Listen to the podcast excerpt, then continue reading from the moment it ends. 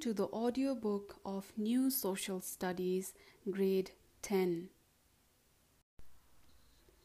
Unit 1 We and Our Society. Learning Achievements. To understand the concept of Human Development Index HDI and identify its status in Nepal. To tell the concept of federalism and to tell the concept of regional development and do comparative study of the provinces of Nepal. Subject matters Lesson 1 Human Resource Development.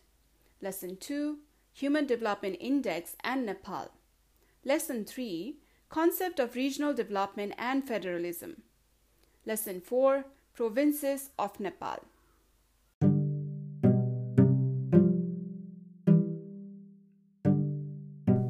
This podcast is dedicated to visually impaired students. So, if you know anybody who needs this book um, to listen and learn, please share the link and also please subscribe the channel.